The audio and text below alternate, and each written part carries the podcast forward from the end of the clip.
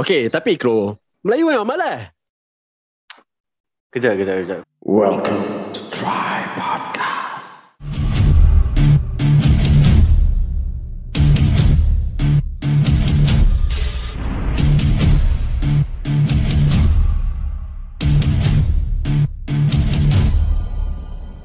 Alright guys, Assalamualaikum warahmatullahi wabarakatuh. Apa khabar? Anda sekarang berada bersama dengan kami Try Hotcast. Uh, abaikan dulu yang um, apa logo yang tertutup logo 10 minit yang dibuat oleh Brother Crow. So guys, malam ni kita bersama dengan uh, Crow dan juga Hafiz. Uh, apa khabar guys? Baik, Alhamdulillah. Baik, Alhamdulillah. Saya kru. Saya dari Puncak Alam. Saya Hafiz daripada Bandar Sarjana Putra.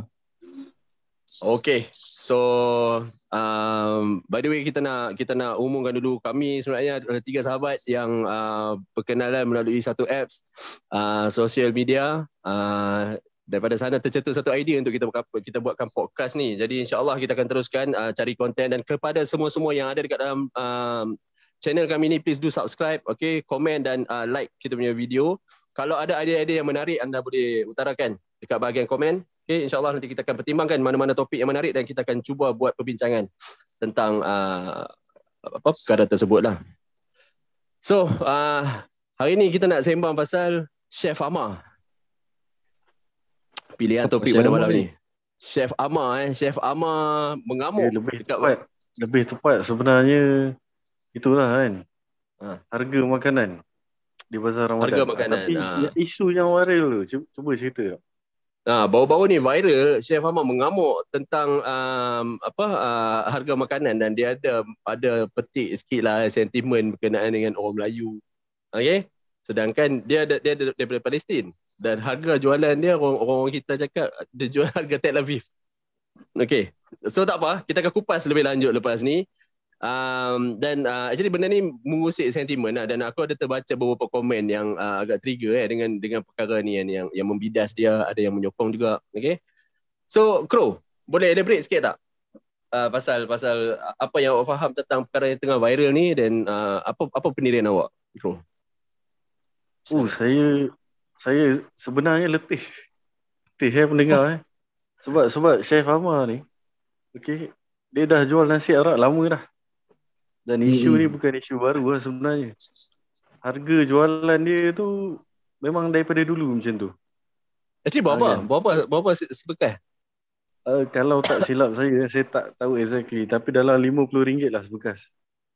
okay uh, first reaction aku bila dengar RM50 what the fuck Tapi ni bukan benda baru.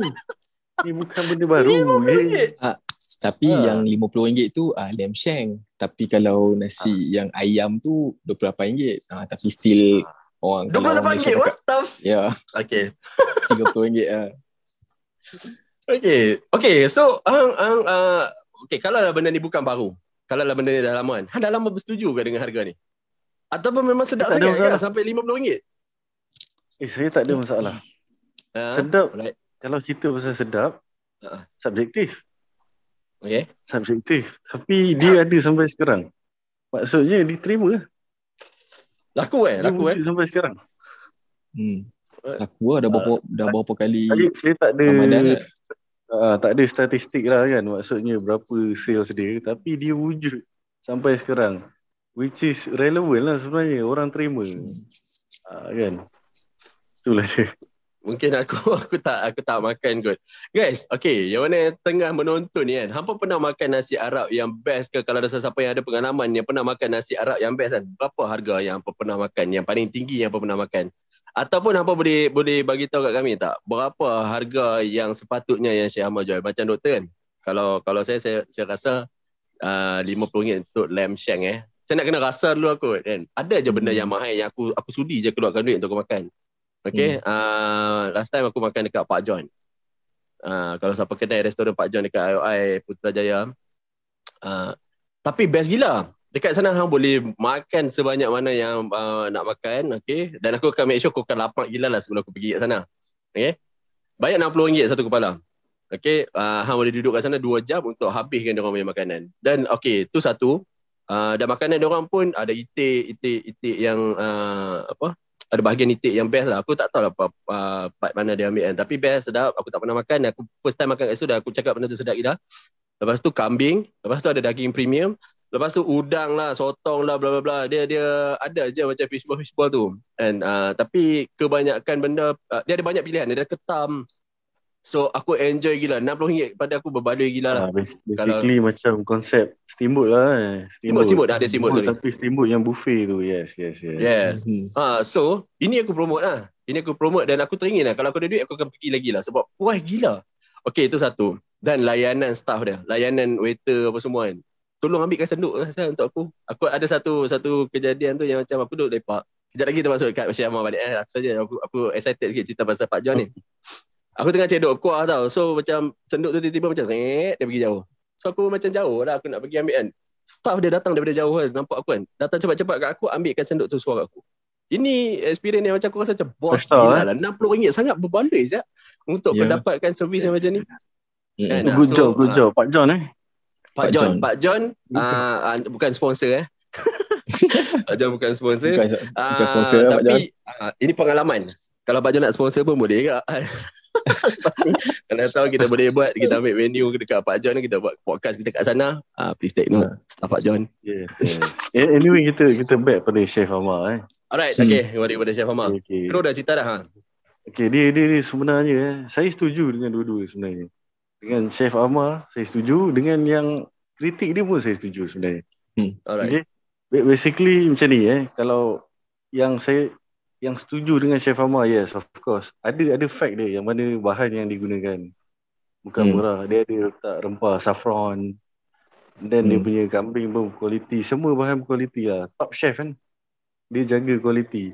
Sedap Hmm. subjektif. Ada orang akan kata sama je ataupun nasi Arab yang RM12 lagi sedap. Hmm. Tapi itu subjektif. Kita tak Subjektif, boleh cakap kan. Ya. Yeah. Okay, ah, benda-benda yang mahal belum tentu apa sesuai dengan cita rasa anda kan. Ah, Subjektif. Itu dari segi Hmm. side Chef Amar dan penggemar Chef Amar. Tapi yang tak suka pun, saya setuju dengan anda. Saya setuju. Which is mahal, betul. So, Hmm. anda ada pilihan. Ha, cuma yang saya tak setuju bila itulah bila ada sentimen sampai harga Tel Aviv itu agak sentimen because dia orang dia berasal daripada Jadi Ya. kaitkan dia dengan harga Tel Aviv sangat sensitif lah.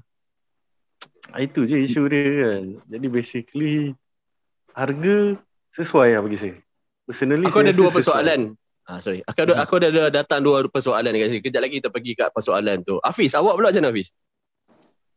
Cakap pasal harga Tel, Tel Aviv ni aku dah baca satu artikel ni sebenarnya harga Tel Aviv ni dan orang nak cakap pasal harga Yahudi ni dah diguna pakai daripada zaman Nabi Isa lagi dulu since Judas dah betray Nabi Isa dengan gunakan Ah. duit tu yang tu yang sampai lekat sebagai harga Yahudi tu Harga- lah, sebab Judas, harga Yahudi. ya. Ah, Judas, Judas kan Yahudi kan ah. Ah. so bagi aku dia macam ni lah macam katakan hang ada pilihan hang boleh je nak makan nasi Arab yang berharga RM50 dan ada juga nasi Arab yang berharga RM15 RM10 pun kita boleh cari ha, tapi hang kena tahu yang beza RM50 dan RM15 RM20 ada different different taste dia lah kan. Ha, macam Syekh Ahmad betul aku baca dia pakai memang dia pakai uh, barang-barang semua import lepas tu saffron. Saffron memang kita tahu mahal. Sebab tu yang dia boleh letak harga nasi Arab sampai harga macam tu kan. And then bagi aku people semua have a choice. Kita semua ada pilihan. Dan uh, untuk makan nasi tu pun okey untuk tak makan pun tak apa uh, tapi bias, biasalah orang Malaysia kan benda-benda yang macam benda-benda yang rare-rare ni padahal dia dah berniaga lama dah masa dia berniaga tepi jalan lagi kot harga macam Ha? tu Oh, lah dia, dia pernah street. Dia pernah jual kat street. Eh? dia, So, dengan harga dia, tu juga? dia, ah, sebelum dia masuk bazar stadium tu dia, dia memang jual kat street sampai orang beratok memang panjang gila weh then baru dia Kalau tak salah pun dia ada restoran eh sekarang eh. Betul tak? Ya, Aku selalu tengok video dia, video dia dia dekat dalam dalam uh, dalam dapur kan, dalam dia punya kitchen. Yang tu yang Hmm. pernah aku tengok lah. Hmm. tapi kalau hang, hang tengok video dalam kitchen dia Ish, memang cun weh memang bersih Yes, memang yes. TikTok lah ha, Ha, sebab ha. tu yang dia cakap dia kata dia buat kerja ni dia berniaga ni semua kerana Allah dia nak dia buat ni untuk bagi Allah suka je ha, yang tu konsep dia Alright. tu aku macam proud lah bagi dia Aku aku tak nak ada ada orang yang mungkin tak bersetuju dengan harga dia terguris hati lah. Jadi jadi aku akan defend dia orang eh. tak lah, bukan bukan defend maksudnya uh, aku nak try masuk dekat dalam dia orang punya dia orang punya uh, mindset sikit kan. So maksudnya hmm. kalau lah aku pergi dan aku nak kritik tentang harga jualan nasi RM50 adakah aku berada di, di tempat yang betul? Boleh tak aku hmm. kritik? Ke memang kalau aku tak nak makan aku tak payah kritik? Ke, ke memang macam tu eh? Aku rasa lah Oh, tak, for tak, me tak, eh. tak. Boleh, boleh. Kritik tak ada masalah. Cuma Betul lah, ha. perkataan yang sesuai. lah. Ah, okay. Perkataan tu So kalau macam contoh sebenarnya. aku aku tak aku tak makan lah uh, of course lah uh, untuk nasi Arab bukan aku punya favorite dan uh, aku tak tahu lagi lah mungkin sebab aku tak pernah makan lagi kot uh, so mungkin aku cakap based on uh, aku bias juga lah sebab aku tak pernah makan jadi aku nak aku nak komplain lah tapi uh, sesuai tak untuk aku komplain aku ad- adakah aku boleh komplain aku boleh kritik jualan dia yang sangat mahal tu uh, pada aku bila aku dengar first uh, ni memang memang uh, apa orang cakap RM50 untuk aku just nak makan nasi dengan lamb shank kan. Uh, aku tak biasa dengan benda ni. Akan akan trigger aku jugalah. Akan bagi aku satu question dan membuatkan aku rasa macam nak komen lah kan? Dan komen aku tadi WTF lah. Ah, so minta maaf kepada Tak sesiapa yang tertulis. sebenarnya. Nah, Eh, Tak sebenarnya untuk rasa macam something tapi cuba cuba kita luaskan minda. Sikit. kita cuba tengok Ha. tak logik bagi kita tapi eh kenapa orang beli eh kenapa Ha, kan? Hmm. oh, eh? Betul? ha. Se- sebab itulah dia orang yang tahu dia tahulah kan dan ada juga Ya. orang yang tak tahu dia nak mencuba Ha, dan bila dia cuba tu itu tak kisahlah hak masing-masing bagi saya kritikan tak salah kan Mm-mm. tapi cuba perkataan yang sesuai itu je point dia sebenarnya dalam isu ni So basically aku perlu ada disiplin sebelum aku nak kritik sesuatu tu aku kena uh, tahu limit aku limit komen aku. Dan kalau aku rasa eh, pendapat aku rasa benda tu mahal aku just tinggalkan komen ya dia terlalu mahal untuk saya. Personally mahal lah untuk untuk aku.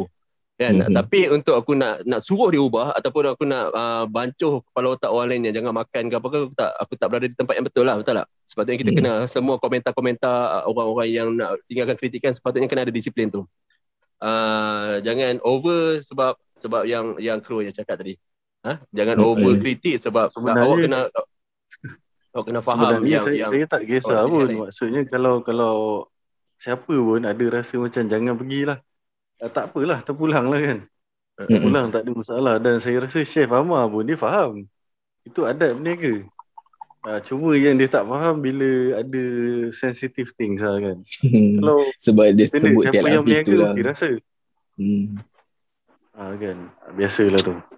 apa yang dia apa yang dia amuk ah? apa apa persoalan yang dikeluarkan oleh Syekh Hamar pula kalau daripada se- uh, sisi pengkritik kita dah, dah dengar tadi kan kalau Syekh Hamar apa yang dia petikkan kan apa dia- dia, dia dah baru dengar dia dia tinggal pasal Melayu eh kan macam mana Ah, fir- first thing macam ni lah eh, sebab dia bukan baru dekat Malaysia. Dia bukan Hmm. baru, dia dah lama dan orang dah kritik dia daripada dulu. Okey, tapi baru kali ni okay, dia bersuara betul-betul pasal harga Tel Aviv. Tu je. Hmm. Pasal Ah, tu. apa yang dia cakap Jom, saya- boleh detailkan sikit tak Cuba Fish. Dia Baik.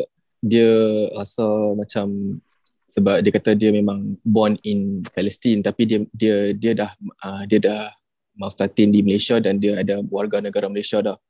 Dia cakap tapi dia terasa dengan orang Malaysia yang cakap kat dia harga Yahudi, harga Aviv sebab dia orang cakap dia Palestin, dia mestilah rasa tak syok lah bila kaitkan dia dengan Tel Aviv or Yahudi or something like that. Hmm, Bagi dia rasa seorang Palestin, uh, seorang warga born in Palestine rasa macam terhina lah kot macam tu.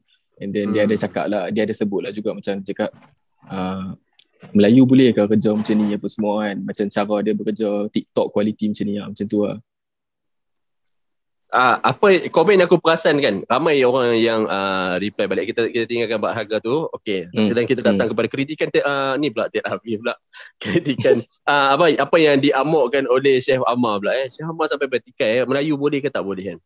Hmm. okey ni apa apa komen uh, komen balas yang pernah aku uh, nampak lah uh, dekat Facebook. Okey dia bagi tahu uh, banyaklah orang bagi tahu. Sebenarnya banyak aja ramai je Melayu yang tak peduli pun yang boleh kerja dalam apa orang cakap apa uh, boleh boleh bersusah lah. Uh, boleh boleh kerja dalam keadaan yang susah juga. Tak macam yang chef Amar tu cakap juga no.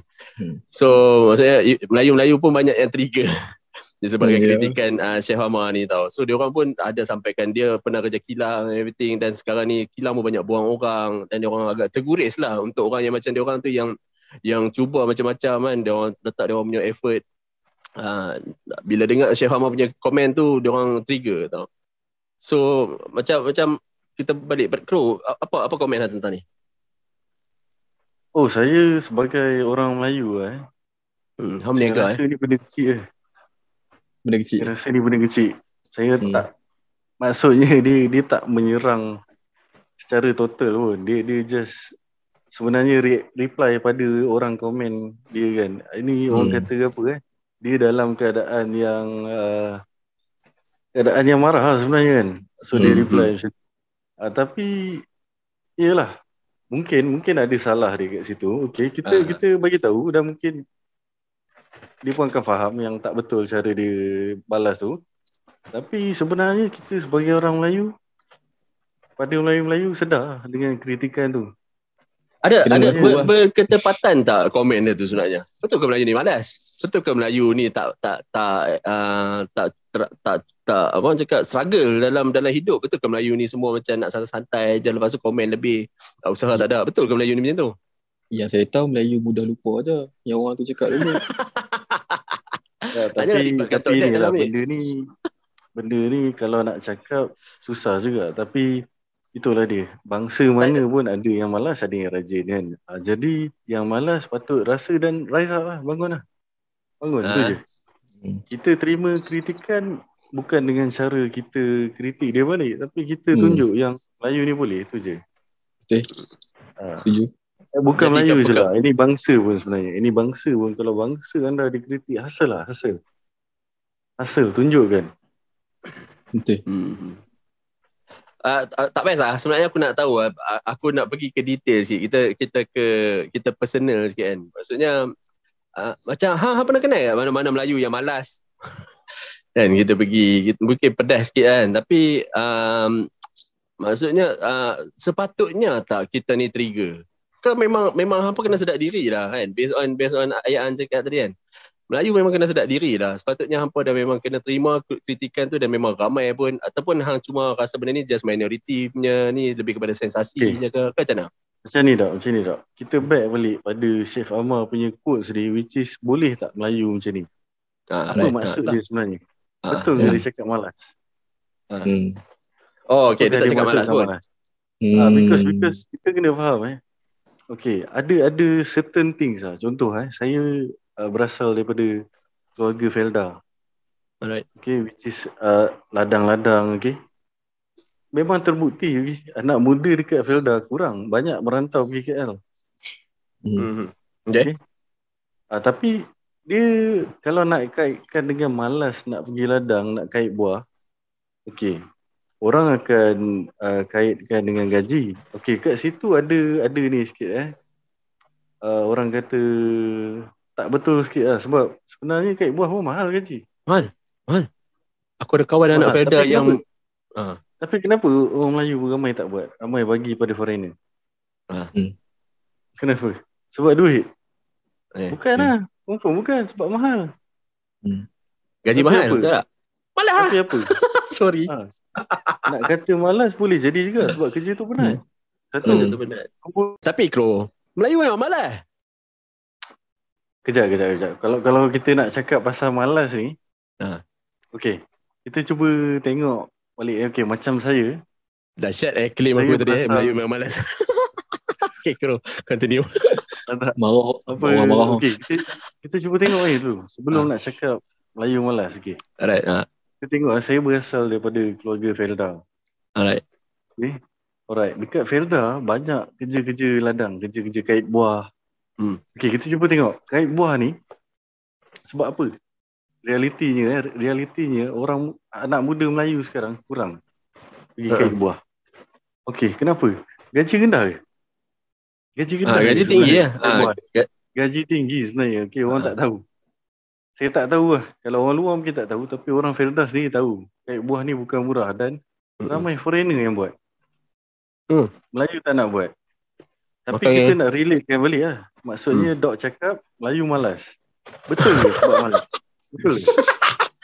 Okay, okay, okay. Tak betul lah. Betul. So, ke? ah, boleh ah, jadi kan? lah, boleh jadi sebenarnya. Sebab apa? Kerja tu berat lah. Hmm. Tapi gaji tinggi. Kru Tapi plesir. dekat bandar pun, kat bandar pun sebenarnya kerja berat juga, bukan bukan ringan. Hmm. Ada yang kerja berat. Gaji Hmm. kadang-kadang tak sampai macam gaji dekat kain buah pun. Lagi murah. Betul. Kenapa? Kenapa orang tak nak? Kenapa sebenarnya kan? Sebenarnya bagi saya, saya nampak Hmm. sebenarnya ramai nak merantau, nak kehidupan di KL. Nak Hmm. kehidupan bandar. Mau kepada lifestyle je. Orang kata biar apa-apa asal bergaya. Betul. Ha, itu itu Melayu sebenarnya realitinya. Realiti ni, apa-apa asal bergaya, eh. Okey, okay, selain daripada selain daripada ni lah eh kita itu luar bandar, okey dalam bandar. Student. Student dah start loan dah iPhone. Nak iPhone loan. Bergaya. Hmm. Bergaya. Itu itu realiti anak-anak muda sekarang lah. Ha, kan? Dia, dia kalau nak kaitkan dengan malas boleh jadi juga malas tapi more sebenarnya orang Melayu ni nak bergaya. Kalau, kalau kerja chef boleh tapi chef five star hotel ha, kan biar biar nampak gah walaupun sebenarnya five star hotel tu pun pressure lah kerja. Hmm. Of course. Ah. Ha. Dia tak nak dia tak nak macam okey macam chef Amar cakap tu kan realitinya sebab apa bazar Ramadan panas. Ha, Hmm. kan. Oh, dia ada, dia ada bagi alasan tu? Dia, dia, dia, dia ada bagi sebab-sebab tu lah? Saya rasa Yang- macam tu lah. Saya- Dia tak ada Ah, bagi alright. spesifik. Dia Ah. cuma cakap boleh buat macam saya buat. Aku lebih apa yang dia cakap tu tengah panas. Uh, kan tapi nak cakap macam tu pun ramai je anak muda yang meniaga pasal Ramadan. Dia Mungkin struggle. point dia saya rasa berjaya macam dia kot. Ha, tak tahu Hmm. kan tapi ramai juga yang berjaya. Cuma itu satu challenge lah tu saya cakap. Challenge. Ha, kan kita kena ambil macam tu lah. Kita tak perlu nak attack dia pun sebab dia bukan orang jahat pun. Hang, hang, hang anak Felda eh? Uh, Kro eh? Saya berdarah Felda. Okay, so so uh, Kenapa kebanyakan yang jangan tanya nampak. eh. saya kenapa saya tak kayak buah saya. Aku nak tanya tu. Ha, Kenapa kan. tak kait buah? Nah, adakah tak ada peluang apa-apa? Boleh je kan. Oh, bukan, Maksudnya bukan, bagi bukan. alasan Saya- sebagai seorang anak Felda yang tak duduk kat Felda ni, apa je alasan yang selalu hang bagi orang? No, bukan alasan Ah, lah. ni- Apa je ni- reason? Ha. Okay, ni bukan alasan. Saya sebab parents saya ada dekat bandar, bukan dekat Felda. Uh, So, so, daripada Nenek Ah. dan dan ada usaha juga dekat Felda, bukan tak ada. Tapi kait buah kita ialah upah orang. Tapi Hmm. maksudnya dekat sini, point saya bukan saya saya je. Maksudnya anak muda ramai. hmm. Dekat Felda masih ramai. Tapi kenapa dia orang tak nak? Maksudnya kita kena upah warga asing. Kenapa? Hmm. Faham tak? Dia bu- bukan point pada anak Felda kenapa tak kerja kat Felda. Bukan. Maksudnya yang ada kat Felda tu kenapa tak nak? Kenapa nak hijrah juga? merasakan Faham. lifestyle. Okay, aku bagi sikit eh sebab bapak mentua aku juga uh, Felda dan sampai sekarang lah. Nah, baru je pencen, sorry. Baru je Hmm. pencen. Uh, so dia aku pernah sembang eh, pernah sembang dengan bapak mentua aku. So dia bagi tahu struggle. Dia tak boleh berhenti. So, dia sepatutnya pencen tahun lepas ke dua tahun lepas. Tapi dia tak boleh berhenti sebab tak ada orang yang nak ganti dia. Uh, tak ada orang yang nak ganti dia. Dan dia dia dia orang um, ada ada anak-anak muda yang yang ada potensial yang boleh ni kan. Tapi untuk train tu memang macam-macam hal lah. Uh, tak seronok pula untuk untuk cerita bukan bukan kita nak uh, bagi tahu ni. Cuma ini realiti dia lah. Maksud kan? Memang kurang kurang gila kan membuatkan sampai orang yang sepatutnya pencen pun tak tak sampai tak susah nak pencen sebab tak ada orang yang boleh ganti orang yang ada kaliber ada orang yang ada tanggungjawab yang sama macam bapak betul aku buat lah dan, dan membuatkan dia je tahu.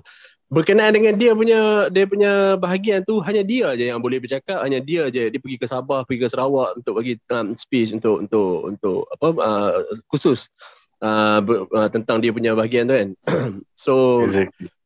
maksudnya susah kan. Jadi bukan nak kita nak uh, buruk-burukkan kan tapi please bear in mind kalau macam hamba pernah cakap hamba pernah rasa yang um, apa benda ni uh, just cakap-cakap kosong tak ni real real story real situation yang memang happen tengah tengah berlaku kan Ah. so The, the uh, truth is sebenarnya the truth is semua orang struggle. hmm, Itu Hmm. sebenarnya memang semua Mm-mm. orang struggle kan. Cuma itulah maksudnya point dia kat sini itulah glamour. Yalah, Hmm. faham nak bergaya. Bu- Bukan glamour lah. Aku rasa mungkin dia orang nak ubah, ubah, ubah uh, nasib kot. Sebab kalau aku sebagai anak bedak, aku pun tak tahu apa yang ada kat sana. Dan offer yang selalu kita dengar daripada orang-orang bandar ni, kan? Maksudnya best gila lah. Ha, Banyak gila benda menarik. Boleh kerja bank, boleh kerja engineer dan tak perlu collect sawit apa semua. Padahal sebenarnya macam yang Crow cakap, the struggle ni real. Mana-mana tempat actually. Ha. Ha, Ya, kan? tapi tapi struggle Yalah. dekat bandar lagi ada style kot. Ada ada Ha, standard di skill, entertainment banyak struggle. kan. Ah, Bandar ni entertainment banyak. Hmm. Ha. Daripada Kalau struggle Ha- dekat Hafiz, kampung. maksudnya Hang setuju lah Hafiz eh? Hang, uh, pada Hang pula macam mana? pada aku uh, masing-masing ada hak masing-masing. Tapi itulah macam Hang cakap kenapa dia tak dia tak uh, apa uh, naikkan dia punya I mean macam Felda punya ni lah apa semua kan. Dekat Felda tak kenapa dia pilih untuk uh, bermestatin di ah keluar ke bandar Ah. apa semua kan. Uh, tu lah macam sama macam aku cakap lah, style Lifestyle, lebih lifestyle, ke, eh. le- lebih kepada lifestyle sebab setiap orang ni memang ada ego masing-masing ada standard masing-masing kot yang rasa struggle dekat bandar lagi best kot daripada struggle kat kampung uh, macam tu Tak perlu rasa sama. bersalah lah pada aku eh. Boleh je kalau hampa nak keluar dan hampa nak ubah. Uh, maybe uh, teruk sebenarnya. Kalau kita cerita pasal pasal kerja dekat Felda ni memang teruk lah. Memang kepecah peluh dan bapak mentua aku masih lagi angkut tau. Masih lagi cucuk sawit tu buat naik Sawit. sampai sakit pinggang apa semua. Cucuk sawit apa semua buat naik atas lori apa semua. Sampai sekarang. Okay. Uh, so maksudnya aku pun rasa kalau lah ada peluang kan kalau ada yalah promising gila babi je tak kalau bandar punya uh, apa offer yang bagi dah banyak gila banyak gila option kan so kalau uh, ada rasa macam nak keluar dan dan nak nak try um, apa macam keluar dan ubah nasib um, untuk bekerja dengan lebih selesa apa semua do buatlah benda tu okey cumanya Ah, ni- janganlah ni- bila sebenarnya sebenarnya dok benda tu tak perlu promo pun. Memang memang Hmm. kebanyakan nak. Yalah, cumanya janganlah bila dah duduk kat dalam dalam ah, maksudnya dah keluar. Tapi lalu je lah proses ni kan. Memang memang akan ada punya apa keluar apa akan rasa dulu nikmat-nikmat yang yang apa kerja-kerja kat bandar ni akan membuat apa ni kan. Tapi basically kena kena ah, kita cerita pasal apa komen Chef Amar tadi tu. Basically kena terima lah. Accept lepas tu buktikan eh. Ah, Kena hasil lah.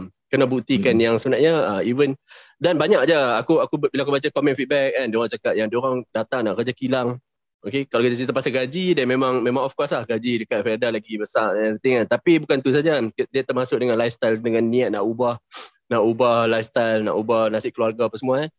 So, hasil, hasil. Bekerjalah kuat eh, di mana-mana pun kan. Maksudnya tak tak ada no such thing as bila hampa pindah je, hampa keluar je daripada Felda. Maksudnya hampa akan uh, hidup mewah macam yang digembar-gemburkan. Tak, no such thing as that. Uh, nasib hampa perlu diubah oleh hampa sendiri. Dan hampa yang menentukan apa future hampa. Eh. Maksudnya kena hasil lah. Kena bekerja dengan kuat lah sebagai apa pun, apa pun pilihan. Macam macam tak semua lah. Susah juga nak cari orang yang macam cita dan nak jadi pengusaha Felda yang berjaya. Kurang kan. Ha, Dan masing-masing ada cita-cita sendiri, ada impian sendiri yang dia orang nak capai sendiri. Dan tak tak salah pun buat tu. Mungkin Tapi ada orang yang akan akan rasa, rasa dok ah, eh, ni. Ah. Ni semua eh. Itulah dia. Maksudnya kalau kita tengok sebenarnya because dia Malaysia eh. Ini berkaitan dengan education dengan bukan good education je lah. Maksudnya apa yang dipromo eh. Maksudnya dalam TV pun kan entertainment Promising. entertainment cerita-cerita drama-drama mostly akan tunjuk kehidupan di bandar kan. Jadi itu yang menarik minat sebenarnya. hmm. hmm. Sedangkan orang di bandar eh, nak rasa sangat kehidupan di kampung. di kampung sama. hmm. Ah, aku aku Betul. rasa macam tu. Ha, kan? aku pun aku pun Tapi iyalah maksudnya macam mana nak cakap eh? Okay. Of course eh. Maksudnya apa yang anda nak pilihan anda tak salah. Tapi kita cuba eh pasal saya ada keluar negara travel juga dan saya ada tengok dokumentari ke apa baca eh. So basically dekat luar dekat dalam macam Felda lah maksudnya kampung Ah. pertanian boleh berjaya juga. Ada Yes. entertainment juga. Yes. Tapi Mm. kena usahakan lah. Hmm. Dan kena dan benda ni banyak faktor sebenarnya melibatkan Hmm. ma- macam-macam lah politics everything kan. Tapi bermula dengan generasi muda lah. Dan dia ambil masa. Dia bukannya awak buat Dan semua rasa best tak? Dia kena Yep. ramai-ramai satu generasi buat dan semua rasa. Hmm. Kita nak Jadi- naikkan betulkan kita macam tu lah. Bagi membetulkan balik uh, idea-idea apa apa sajalah yang yang aku cakap apa semua tadi kan. So maksudnya sekarang ni kita kita sampai ke satu point yang sebenarnya uh, um, dia dia dia agak agak menarik sikit kat sini kan sebab kita bercerita tentang minority sebenarnya guys.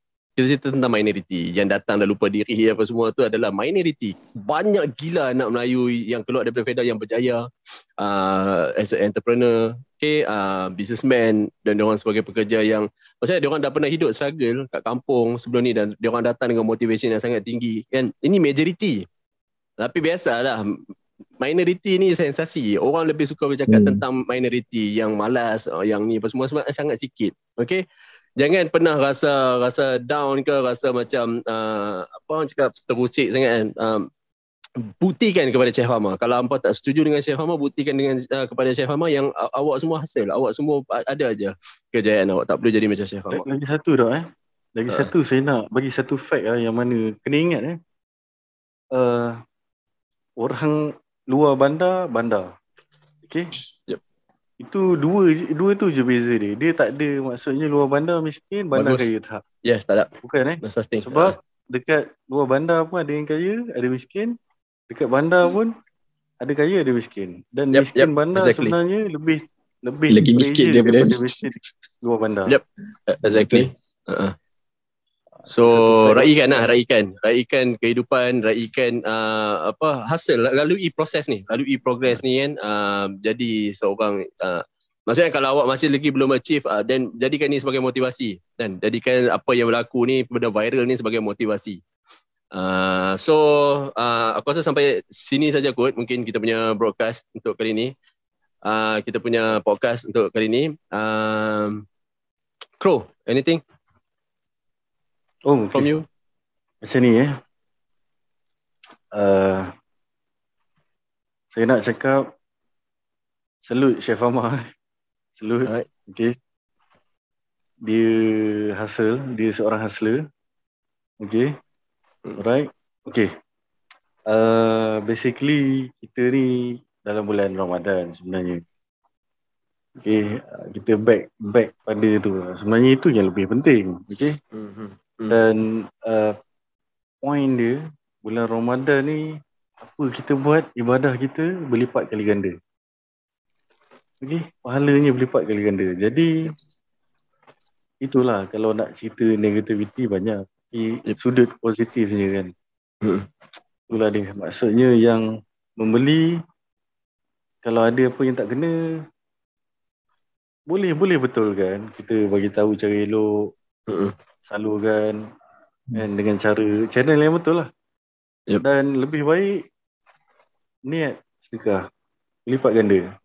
Dan Yep. sama juga pada pihak yang niaga. Sama which is lebih baik lebih kan. Lipat ganda lah rezeki anda nanti. InsyaAllah. Back pada tu, InsyaAllah. cuba ingat. Di bulan Ramadan kan. Yep, Hmm, yep. Betul lah. Sedikit. Daripada Hafiz. Mas- Itulah masing-masing kena saling memperingati antara satu sama lain yang kita ada kat bulan Ramadan. Kita kena behave. Kita punya pertuturan. Walaupun komen just nak tekan kat infonya tapi macam ada benda yang kita bukan dalam waktu Ramadan saja kan. Macam benda-benda kecil macam tu tak payah viral pun tak apa kot. Sebab dia bukannya start niaga tahun ni. dia dah 2 tahun, Ah, 3 right. tahun dah. Ha, harga Alright. dia tu memang macam tu ya. Alright, okay. So untuk aku pula, jadilah dia kenapa sendiri. Kalau apa nak jadi tukang komen yang macam mana Exactly. pun, jadilah just komen lah macam mana pun. Kalau Chef Ahmad nak jual nasi dia berapa mahal pun, terpulanglah kepada Abang. Hampa apa semua Ah, memberi kami itu- konten. Itu semua, itu semua hiburan. Okay? Eh, betul betul betul. So uh, terima kasih kepada semua. Okay, doktor nak ucapkan terima kasih kepada semua yang sudi datang. Okay, um, uh, view uh, apa uh, tengok kami punya podcast. Uh, hopefully uh, boleh terus doakan uh, supaya kami boleh teruskan podcast ni dengan berjaya. Kalau ada apa-apa kritikan just sampaikan je dekat ruangan komen. Okay, uh, sama ada kritikan membina ataupun siapa nak suruh doktor repair rambut kan. Lampu lilat-lilat ni macam macam over ni sangat kan. Uh, bagi tahu je eh kalau crow punya baju tak lawa ke lawa ke uh, komen kat sana. Kalau ada idea berkenaan apa-apa uh, perkara yang uh, mungkin apa nak kami bincangkan, please komen, tinggalkan kat ruangan komen. Kami akan pilih uh, komen-komen yang terbaik ataupun topik yang terbaik. Okay, jangan lupa untuk subscribe, like dan uh, komen. Saya Dr. Asta. Saya Kro. Saya Hafiz. Until next time guys. Assalamualaikum warahmatullahi wabarakatuh. Try Hardcast. Signing off. Bye-bye guys.